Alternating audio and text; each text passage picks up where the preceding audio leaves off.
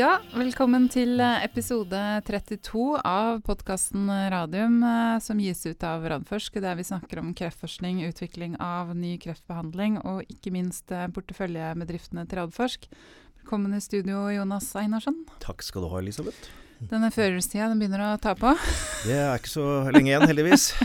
Vi må holde ut denne uka her, så begynner det å roe seg ned. Ja da. Sats på det. Du, vi skulle jo egentlig hatt uh, Ingrid Teigland Akai fra Hadian Ventures her i dag, men uh, pga. litt uh, omkalfatringer så blir det neste uke. Ja da. Og det passet egentlig Skal vi si det passet greit i forhold til at Nordic har kommet med data? Ja da, Ja. det passer fint. Men vi kan komme tilbake til det, for de er jo ikke de eneste som har kommet med, med data. Det har også Targovax gjort. Ja, Targovax har kommet med de første safety-dataene. Mm. Uh, når vi gjør, gjør denne type studier, uh, så er dette kombinasjonsstudier. Mm. Det ene er sammen med kjemoterapi, og det andre er sammen med checkpoint inhibitor, med Ketruda. Og da er det alltid, selv om vi har gått i alle teorier og muser og hva det måtte være, og tror at dette er sikkert og greit, så er det alltid spennende Ja. å se på de første dataene. Og de var bra på begge studiene. Det er, eh, var, Dette er Onkos, er det ikke det? det er, eh, det er onkos. Begge Ja. de to studiene er, eh, er det onkolytiske viruset. Ja. Onkos 102 i, i kombinasjon henholdsvis med Keytruda og, og kjemoterapi. Eh, og resultatet fra safety reviewen der var eh, positiv, sånn at vi fikk klar anbefaling om å gå videre med studiene. Så det Det er på en måte de to første eh, dataene som har kommet derfra nå. Mm. Og så i den samme meldingen så sier de da at de første immunresponsdataene skal komme på skal jeg riktig nå, så var det TG02-studien Mm. eh, nå i desember, så det er ikke så mange dager igjen. Og så kommer de andre henholdsvis i januar og februar. Så det er sånn sånn Ja, omtrent etter, skikkelig news, etter skjema. eh, Ja. Newsflow, de. Ja. Ja, det er liksom Det er tre ting vi gjør når vi gjør dette her. Vi Én er safety. mm. Er det sikkert å gi? Sånn umiddelbart. Så Mm. må vi selvfølgelig følge opp det. Og Ja. så er uh, nummer to i immunterapi. Det er får vi den rette immunresponsen? Får vi T-celler som eh, vokser opp? Mm. Det er det neste vi ser nå. Og så down the line kommer effektdataene. Det er Ja. liksom den tretrinnsraketten. Så da får vi trinn én og to nå. Mm. Det, er, eh, det er bra. Og så Vaxibody sendte ut en melding rett før vi gikk Vaxibody i studio. Sendte en Hva skriver de? melding for ti minutter siden, så den har ikke klart å fordøye så mye. Men det var ikke så mye å fordøye, for så vidt. Eh, De sier at det har gått bra med inkluderingen i eh, fase 2-studien på den eh, livmorhalskreftvaksinen. Mm, det er bra. Sånn at de er ferdig med den nå i desember. Ja. Eh, De skulle ha inn 15 til 20 pasienter. De har fått 16 pasienter til dags dato, og så kommer Ja. det sikkert en eller to til, og da er de godt innafor. Mm. Uh, og så må vi da vente på data Ja. uh, fra den. Uh, Seksmånedsresultatene fra fase 2A-studien kommer i Q3 til neste år. Og de endelige resultater fra hele studien i Q1 2019. Ja. Og så er det jo hyggelig å, å hilse til Agnete og gratulere med forfremmelsen. Agnete Fredriksen, som er Mm. en av, av Gründerne. gründerne, eh, som nå har fått tittelen 'President and CSO of Vaxibody'. Det er vel en anerkjennelse for hvor mye hun betyr for selskapet. Ja. Så det er, eh, det er hyggelig. Det er det virkelig. Um, det er jo basert på doktorgraden hennes, det her. Ja, Som ja. hun fikk kongens fortjenestemedalje for. Det gjorde hun i uh, ikke gull, som du sa her en gang. I sølv eller sølv, sånt. eller hva det var. Ja. Eh, En uh, liten kommentar til på Targovax, Elisabeth, Ja. før vi går videre. Fordi det har vært litt Jeg har fått litt spørsmål om de dataene som Magnus Gjedeberg presenterte på siste kvartalsrapporten. Når han var sist? Nei, på siste kvartalsrapporten. Oh, ja, på kvartalsrapporten. Så kom han med noen data med kombinasjonen av Onkos og Ketruda. Mhm. Eh, Og det har jeg fått noen spørsmål eh, rundt. eh, Ja. Fordi resultatet er jo at eh, punkt én, det er museforsøk. Mm. Men vi vet at den type musemodeller har en viss overføringsverdi, så det er, det er spennende. Mm. Uh, og så er det det at når de bare gir Ketruda, Mm. så får de ingen effekt på tumor. Ja. Og Det er i utgangspunktet litt overraskende, for vi vet Mm. jo at Ketruda virker på 40-50 Ja, ja, ja. sånn ellers. Det er fordi dette er en helt spesiell musemodell som har en helt kald tumor. Ja. Den har altså Så du, ikke du, T-celler. du får liksom kommer ikke inn. Du kommer inn, Ja, men det det er ingen T-celler der. Nei. Så når du tar av Keytruda tar av bremsen, så er det den gamle bilen. Bilen Ja. står stille, for det er ikke noe gass der i det Nei. hele tatt.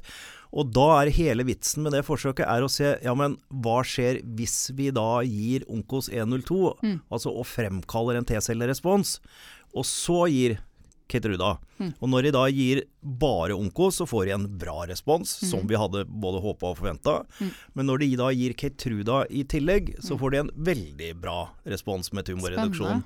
Og det er hele vitsen med den studien, og Ja, ja. vitsen med at de, de går de ut med dette. Ja, det, det, det viser at i hvert fall i mus så fungerer teorien Mm. at Keitruda, altså checkpoint-inhibitoren, trenger en gass. Som i dette tilfellet er Onkos 102. Så, så dette er en bekreftelse på det. Mm. Men det er en musemodell. Ja. Men, men allikevel spennende må, data. Det må ses på i mennesker også. Ja. Så, men, og det, det er det vi gjør nå. Ja.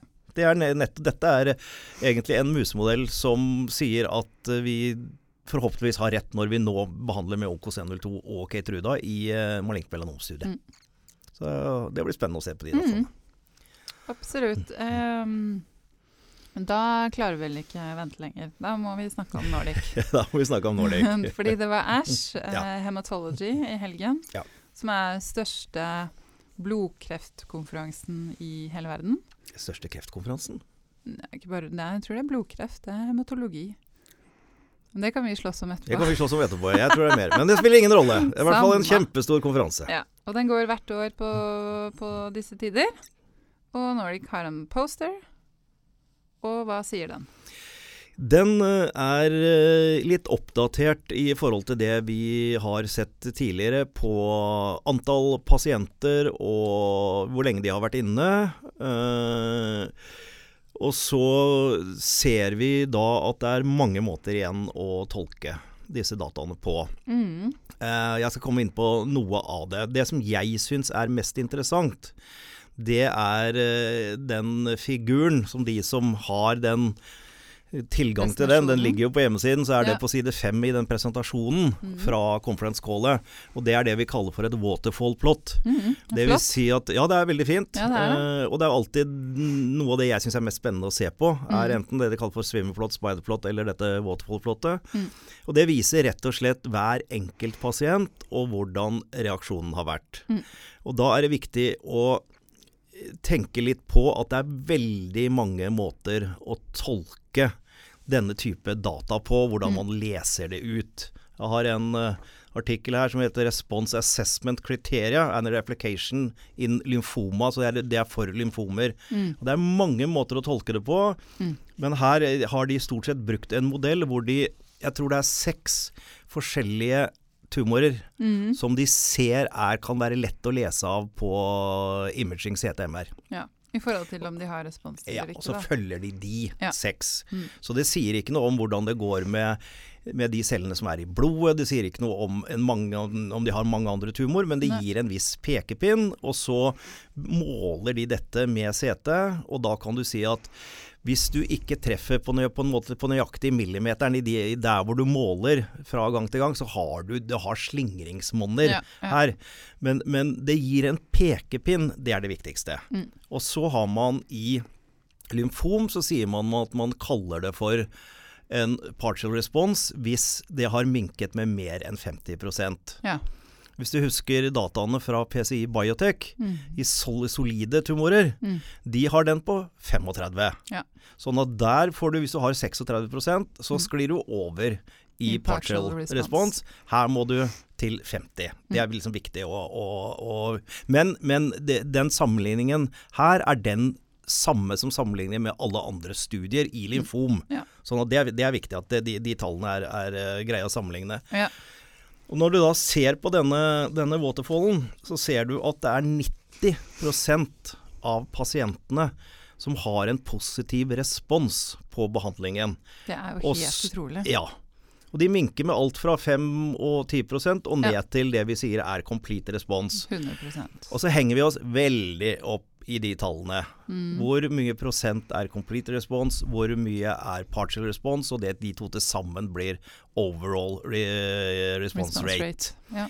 Eh, og det er viktig, og det gir en viss pekepinn. Men jo større studiene blir, jo mer kan vi legge Mm. vekt på det. Mm. Og her ser vi jo at det er eh, noen pasienter som ligger på 97-98 eh, reduksjon.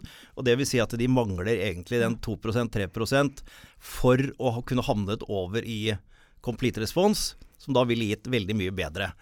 eh, tall. Så det, og, og det samme gjelder med partial response. Du ser det er noen som så vidt har snugga under 50 Mm. og Hvis de hadde hatt 2 mindre, så ville de ikke blitt regna med.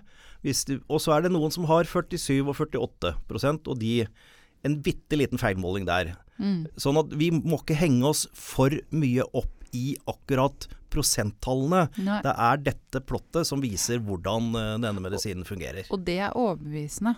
er veldig overbevisende, så jeg holder fast med Jeg får litt kjeft for å være for optimistisk på dette, men jeg holder fast ved at jeg er veldig optimistisk Ja. ut ifra dette. Ja. Det andre vi ser på, som er viktig, Mm. det er jo hvor lenge varer denne responsen. Mm. Det er vi opptatt av i kreftbehandling. At pasientene får det bra, om det da svulstene går ned med 50% eller 80% så lenge pasienten har det bra og det ikke begynner å vokse igjen, Ja. så er det viktig. Og det er liksom da median duration of response. Mm. Og Den måler vi fortløpende på pasientene. Da kan du tenke deg at når du kjører sånn eh, som denne studien, hvor man starter opp med mange armer, Mm. og vi har snakket om det før, hvordan man starter denne type safety. Du har én pasient, så går den kanskje i tre, fire, fem måneder før du får lov til å ta inn to, og så går det lang tid. Og så betyr det at de pasientene har levd veldig lenge før man åpner slusene og sier at nå kan dere ta inn så mange dere vil på så kort tid som mulig. Mm. Og da har du antagelig fått en, med en god medisin, så har du fått en lang median duration of response på de første pasientene. Absolutt. Og så plutselig kommer det inn mange nye pasienter. Ja. Og så skal du se på median duration of response kanskje mm. tre måneder eller seks måneder etterpå. Og da blir jo det kort. Da blir det kortere. Ja. Da går den ned. Det er Og helt, så eh, vil den forhåpentlig-. Ja. Men, men dette er det mye mange som tolker da det Ja. som dårlige data. Skjønner. Og da bør Det er man det ingen grunn til. Nei, det er ikke det. Og da henlede oppmerksomheten til side syv i den presentasjonen. Der ser man medium duration of, of response, og Mm. den er nå for alle pasientene nede i 13,3. Oi. For den var bedre enn det før. Mhm. En spennende ting der er at de Ja. har tatt ut de som har fått complete response. Ja. Og det ser ut som når du først får bli kvitt alt du, du kan se, ja, da er det så varer responsen lenger. Det er, det er tegn i tiden, ikke mer enn det. Ja. Men hvis man leser den lille parentesen under, Mm. så står det 'meaningful median duration of responses'. Mm. Det er det. Mm. I parentes 'with median follow-up time of only approximately eight months'. Ja, nettopp. Fordi det er så mange pasienter som nylig har kommet inn i studien. Så dette er Så egentlig dette bare for de siste åtte Peker i riktig retning. Peker i retning Nei, altså det, det betyr at hvis du tar alle pasientene som har vært med i studien, Mm. også de som har vært med kjempelenge, Ja, ja. men også da de som har kommet inn nå i det siste, ja. så er me median tid, de alle sammen Mm. Hvis du tar antall måneder og deler på antall pasienter, Mm. så er det åtte måneder nå. Ja. Og da er det vi som tilsier at den kommer til å Øke. øke igjen. Så bottom line, jeg så fast ved at jeg syns de leverer solide data, Mm. eh, og at de gjør dette på riktig måte. Og så har jeg egentlig en nyhet til som eh, Luigi slapp under eh, Conference call, conference call. Er det lov? Eh, Jeg tror ikke han mente å gjøre det, nei. men han eh, uttalte Var litt tidlig på morgenen, kanskje? Ja. Det var klokka åtte i går, mandag morgen. Ja, han uttalte nemlig at uh, når det gjelder Paradigm-studien, Mhm. som vi allerede har startet Nei, kødder du, sa han det? Ja, det sa han. Oi, Og, men det har de ikke Skvatt. sagt. Det, ja, jeg skvatt. Jeg skvatt, tenkte jeg. Ja, Ok, du var kanskje ikke den eneste som skvatt, eller? Nei, det var, nok, det var nok noen flere som hørte det. Ja. Uh, og så tenkte jeg at det der var vel bare Slipp av tøng. slipp av tøng, eller Ja, ja. eh, ble feil. Men eh, så sa han det en gang til. Ja, ja. I en, To. to ganger. Ja, Så jeg kontaktet selskapet. ja. Og så spurte jeg hva, hva, er, Hva skjer dette? Hva, hva er dette? Har dere startet Paradigm? Så fikk jeg da I går kveld Mhm. så fikk jeg en uh, melding uh, som svar på det. Uh, og det Jeg skal ta den og lese den Ta den ordrett, du. ordrett, så ikke jeg blir Der står det We declare a study started when the related clinical trial application has been approved by at least one competent authority, parentes one country. Based on this, we can say that the paradigm study has started. Further information on participating countries and sites will be provided on clinicaltrials.gov. Så det betyr at de, De er i gang. de er i gang. Det I hvert hvert at fall de, på ett sted. I hvert fall i ett land har Ja. Gitt grønt lys for studien. Og det betyr at de er i gang med screening, og studien da har formelt startet. Men skal de ikke strengt tatt sende ut en børsmelding på dette Det her? kan du snakke med Nordic Nanovektor om. Jeg syns dette var en litt artig, artig sak. Og det er en god nyhet, da. De er i, de er i gang. Ja, det er jo Ja. kjempegod nyhet. Men hvis det var flere som hørte det, så er det kanskje noen som gikk rett inn og handla litt. Grann. Det Er mulig? Nei ja, ja. Men, men, men, men altså, det, det skulle bare mangle. Vi Ja. visste jo ja, at de, visste, visste at de kom det. kom Det har liksom ligget i kjømda, så det er jo ikke noe nytt Nei. sånn sett, egentlig. Nei da. Det er ikke det. Men, men det er jo alltid hyggelig å vite. Skal vi se. Vi har fått inn noen spørsmål. Det har Det er alltid hyggelig, så oppfordrer, eh, oppfordrer til å gjøre det, altså. Eh, vi fortsetter med Nordic eh, nanovektor. Der er spørsmålet eh, Nordic nanovektor har en generalforsamling. Eh, den er vel sånn ekstraordinær, er den ikke det? ja, ja. Ehm, det gjelder 500 000 opsjoner til å eh, tiltrekke seg nye ansatte. Uten at det går så tydelig fram fra dokumentet. Kan dere enkelt forklare hva som det skal stemmes over? Ja, Skjønner du det? ja da, jeg, Ja. jeg gjør det, for jeg har sittet og, og lest dette her. Altså, Mhm. bakgrunnen her er at på siste ordinære generalforsamling så stemte generalforsamlingen ned opsjonsprogrammet Ja, til det. Nordic jeg. Nanovektor. Husker det. En del aksjonærer som mente at det var for uh, raust, og at det ikke var noe det var cap på det, og det var, det var mye public-aksjonærer, vel? Ja. Som, Eh, Ja, det er altså først og fremst eh, Folketrygdfondet, ja. og så er det de som uh, bruker et, et selskap som på en, tar vare på deres rettigheter i generalforsamlinger. Mm. Eh, og det er de store fonda som, som gjør det. Mm. Hvor de retningslinjene der eh, også kan være sånn at, at denne type opsjonsprogrammer som vi har jo tradisjon for å bruke biotekselskapene. Ja. Og når selskapene er små, så er det ofte det vi har å på en måte lokke med for å Mm. få Gode også folk. internasjonale og, og norske folk inn i selskapene. Så jeg har alltid vært for at vi har et fornuftig opsjonsprogram Mm. innenfor en bestemt Så ramme. Visse rammer må det være. Og så er det sånn at eh, jo større selskapene blir, Mm. jo mer emisjoner du tar, og jo mer verdt det blir, så begynner det å bli penger. Og da blir det, til å begynne med er det bare luftslott, og da er det greit, liksom. Men Ja. når det blir penger, så, så er det Ja. sånn. Men, men uansett.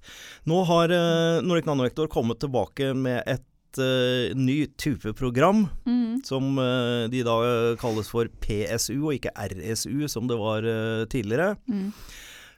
hvor man utsteder tegningsretter i stedet for opsjoner. Mm. Og så er det visse regler om hvordan disse tegningsrettene kan tildeles, i forhold til at det er, altså det er prestasjonsbasert Ja, istedenfor restricted, som det var tidligere. skjønner.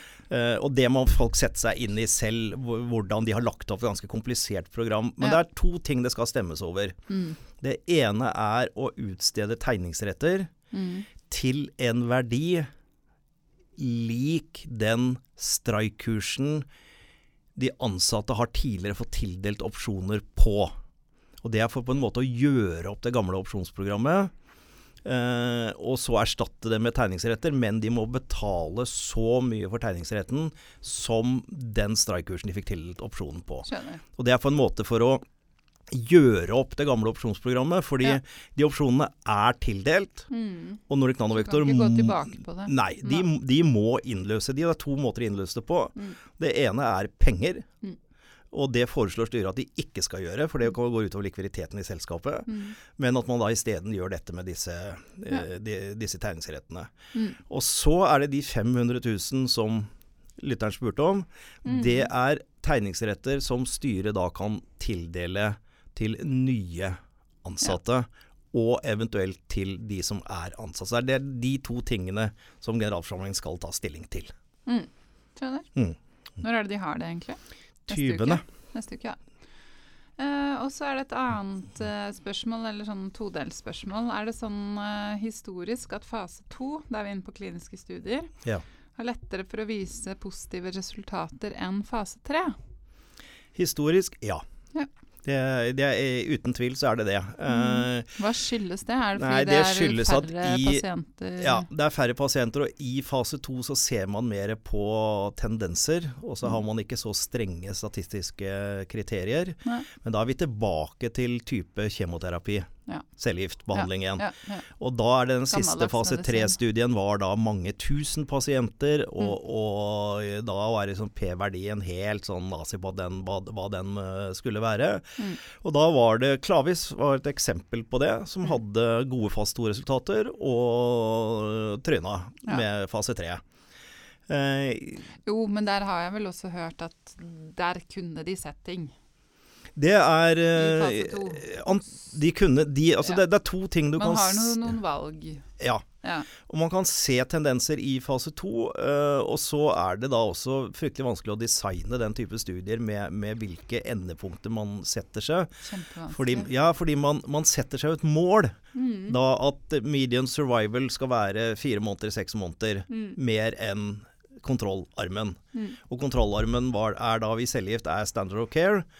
Og så blir man flinkere til å bruke standard of care, så den flytter seg som Ja, regel også underveis. Så, så, så, Så det blir jo tøffere, på en måte. Ja. Ja. Så, så svaret er helt klart ja. Historisk sett så var det absolutt tilfellet. Men nå snakker vi ikke fase to og tre lenger. Nå snakker vi pivotale fase to-studier. Ja. Eh, hvor vi har mye mer effektdata. Mm. Som waterfall-plottet til, til Nordic Nando eh, før vi setter i gang. Så, så, Så det her kommer burde fortsatt det kanskje ikke være så store forskjeller, da? Eller sånn Nei. Nei. Eh, det spørs litt hvordan man setter kriteriene også. Og så har vi ikke så veldig mye erfaring Nei. med altså, du, du kan si at det som skjer nå, er jo at vi får disse fase 2B-pivotalstudiene Mm. som gir markedsgodkjenning. Men så fortsetter studien. Ja. Og da, da er det tusenvis av pasienter. ja. Og da kan man enten komme opp som med Ippi og Keytruda, hvor man fikk veldig hyggelig langtidsresultater, for da fikk Ja. vi denne halen, ikke sant? Ja. Eller så kan det være Nå husker ikke jeg nøyaktig hvilket selskap og Jo, indikasjonen var blærekreft, men Ja. selskapet husker jeg ikke. Nei. Som fikk en markedsgodkjenning. Nå begynner de dataene å komme inn fra den store undersøkelsen videre. Og Og, de begynner noe- å se litt grann tvilsomme Ja. ut, så de kan risikere å miste markedsgodkjenningen igjen. Eh, andre del av det spørsmålet mm, står det pleier det å være forskjeller i kriteriene for pasientinklusjon i fase 1, 2 og fase 3? Ja, det er det ofte, fordi at eh, i fase 1 Annen type studie. Ja, der kan det godt være at man velger å kjøre en sånn eh, det man kaller for en basketstudie. Ja. Eh, og det betyr at man tar inn, eh, tar inn pasienter, både kjempedårlige pasienter og pasienter med forskjellige krefttyper og indikasjoner, fordi det er bare safety Mm. man skal undersøke. Mm. Og så velger man indikasjon og helt andre kriterier når man kjører fase to og tre. Mm. Eh, og det vi ser nå, er jo at eh, Nordic Nanovektor, tilbake til de igjen, Mm. de har jo kjørt non-Hodgins lymfoma, som er en sekkbetegnelse, Mm. i sin fase 1-2. Og så har de plukket ut de som har follikulært lymfom, som blir de pasientene som skal inn i den neste studien. Mm. Og hvordan de har finpussa på inklusjonskriteriene, det gjør vi hele tiden Ja. underveis, for det er det vi lærer av. Ok, det er en feil pasientgruppe for, for oss. Vi har for strenge inklusjonskriterier, sånn at vi får for lite pasienter. Vi må amende til protokollen. Så dette er dynamisk, som vi har Ja. snakka om tidligere. Eh, ja, da begynner vi vel, i, vel vi å nærme oss eh, slutten. Vi kan bare nevne at eh, det er flere spennende ting som skjer denne uken som vi kan snakke om neste uke også. Det er jo åpningen av lab og produksjon hos Onko Invent i morgen. Det gleder jeg meg til. Ja, jeg også. Eh, Roy skal jo vise rundt på laben, ja. så det, det blir kjempe, kjempespennende. Eh, og torsdag så er det jo DNB Healthcare, hvor den går i ett fra, fra morgen til kveld. Masse spennende, Mhm. Presentasjoner. Um, og du har vel noe sånn hjertesukk, har du det, eller? Jeg har et uh, sånt lite et. jeg så det på deg. Nei, det, det er uh, Jeg var i et møte her for uh, i denne eller forrige uke. Mm. Og da er det en av de som er der, som spør meg litt om dette med bivirkninger mm. på immunterapi. Ja. at han hadde hørt at det var så veldig skummelt. og hadde til og med en bekjent som hadde fått en alvorlig kreftdiagnose, som var, uh, kunne få en checkpoint-inhibitor, men denne personen hadde sagt at, uh, at han var usikker på om han skulle ta det, for hadde hørt at det var så mye farlige bivirkninger med immunterapi. Og det fikk meg til å skvette litt. Ja, for det er jo både og, holdt jeg på å si. Ja, og jeg har, jeg har også hørt dette fra, fra, fra, flere. Ja, det er bivirkninger med mm. immunterapi. Og ja, i enkelte tilfeller har de vært farlige og til og med dødelige. Mm. Og det var i disse T-celleterapiene, altså med CAR-T, mm -hmm. eh, som jo er en utrolig effektiv behandling, men også farlig behandling. Ja, fordi den er jo for effektiv. Ja, i noen tilfeller var den det. Det er jo det som gjør at den ja, blir farlig. Immunforsvaret du... tar av for mye, ikke sant. Ja. Men det vet de jo nå hvordan de skal behandle. Ja. Eh, det er veldig sjelden at det blir så alvorlig når mm. man bruker eh, checkpoint-inhibitorer. Mm. Og vi har heller ikke, sett det i, ja, heller mm. ikke sett det i våre kombinasjoner. Men når man har kombinert to checkpoint-inhibitorer, så har man sett noe av det. Samme. At man får dette man kaller for cytokin-release. Det blir så potent. Det blir veldig potent. Ja. Men det vi, har, eh, det vi også ser, er at på den siste konferansen jeg var på, på Sitsi, så sier klinikerne at nå begynner vi å få bra, veldig god kontroll på dette. Mm. Vi har kommet en ny medisin som er med og demper dette. Mm. Sånn at når klinikerne er trygge på dette, mm. så ville jeg i hvert fall Vært trygg? Fra, ja, altså jeg ville fraråde sterkt å ikke ta den type behandling, når man vet hvilke type eh, diagnoser og sykdomsforløp disse pasientene har. Ja. Dette har klinikerne veldig bra kontroll på. og så må vi huske at kreftbehandling og bivirkninger mm.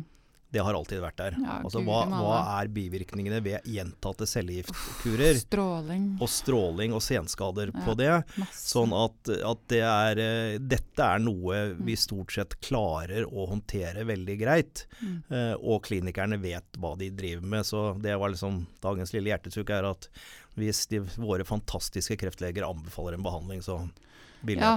Lytt, lytt til legen. Ja. Ikke hør på hva alle andre sier. Mm. For det, de er faktisk ikke onkologer. Nettopp. Nei, det kreves, kreves noe helt annet.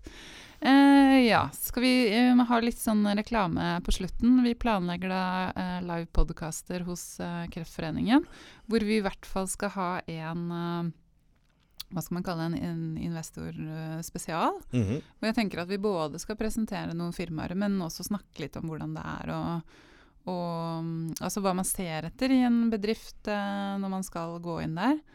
Um, det her blir Jeg tror vi har satt opp sånn tentativ dato 6. mars på morgenen. Okay. Må opp på morgenen. Jonas. Nei da. Prøve å starte halv ni. Det er greit. Alle møter før ni er nattmøter. Ja, men det er ikke så langt unna der du bor. Nei, så okay. det Vi får prøve. det skal gå bra. Eh, men før, før, lenge før det, så er, så er, det et annet møte som jeg tror kanskje kan være interessant for den målgruppa vår også. Det er jo Cancer Crosslinks. Ah. Ja. Som i år er 18. Eh. Mm -hmm. eh, et fantastisk program som vanlig. Det kommer en Jeffrey Weber, hvis jeg klarer å uttale det riktig, fra mm -hmm. New York, mm -hmm. som skal snakke om immunterapi på en måte hva er status? Mm. Hva er det som har skjedd der de siste fem årene? Tror det blir kjempespennende. Ja.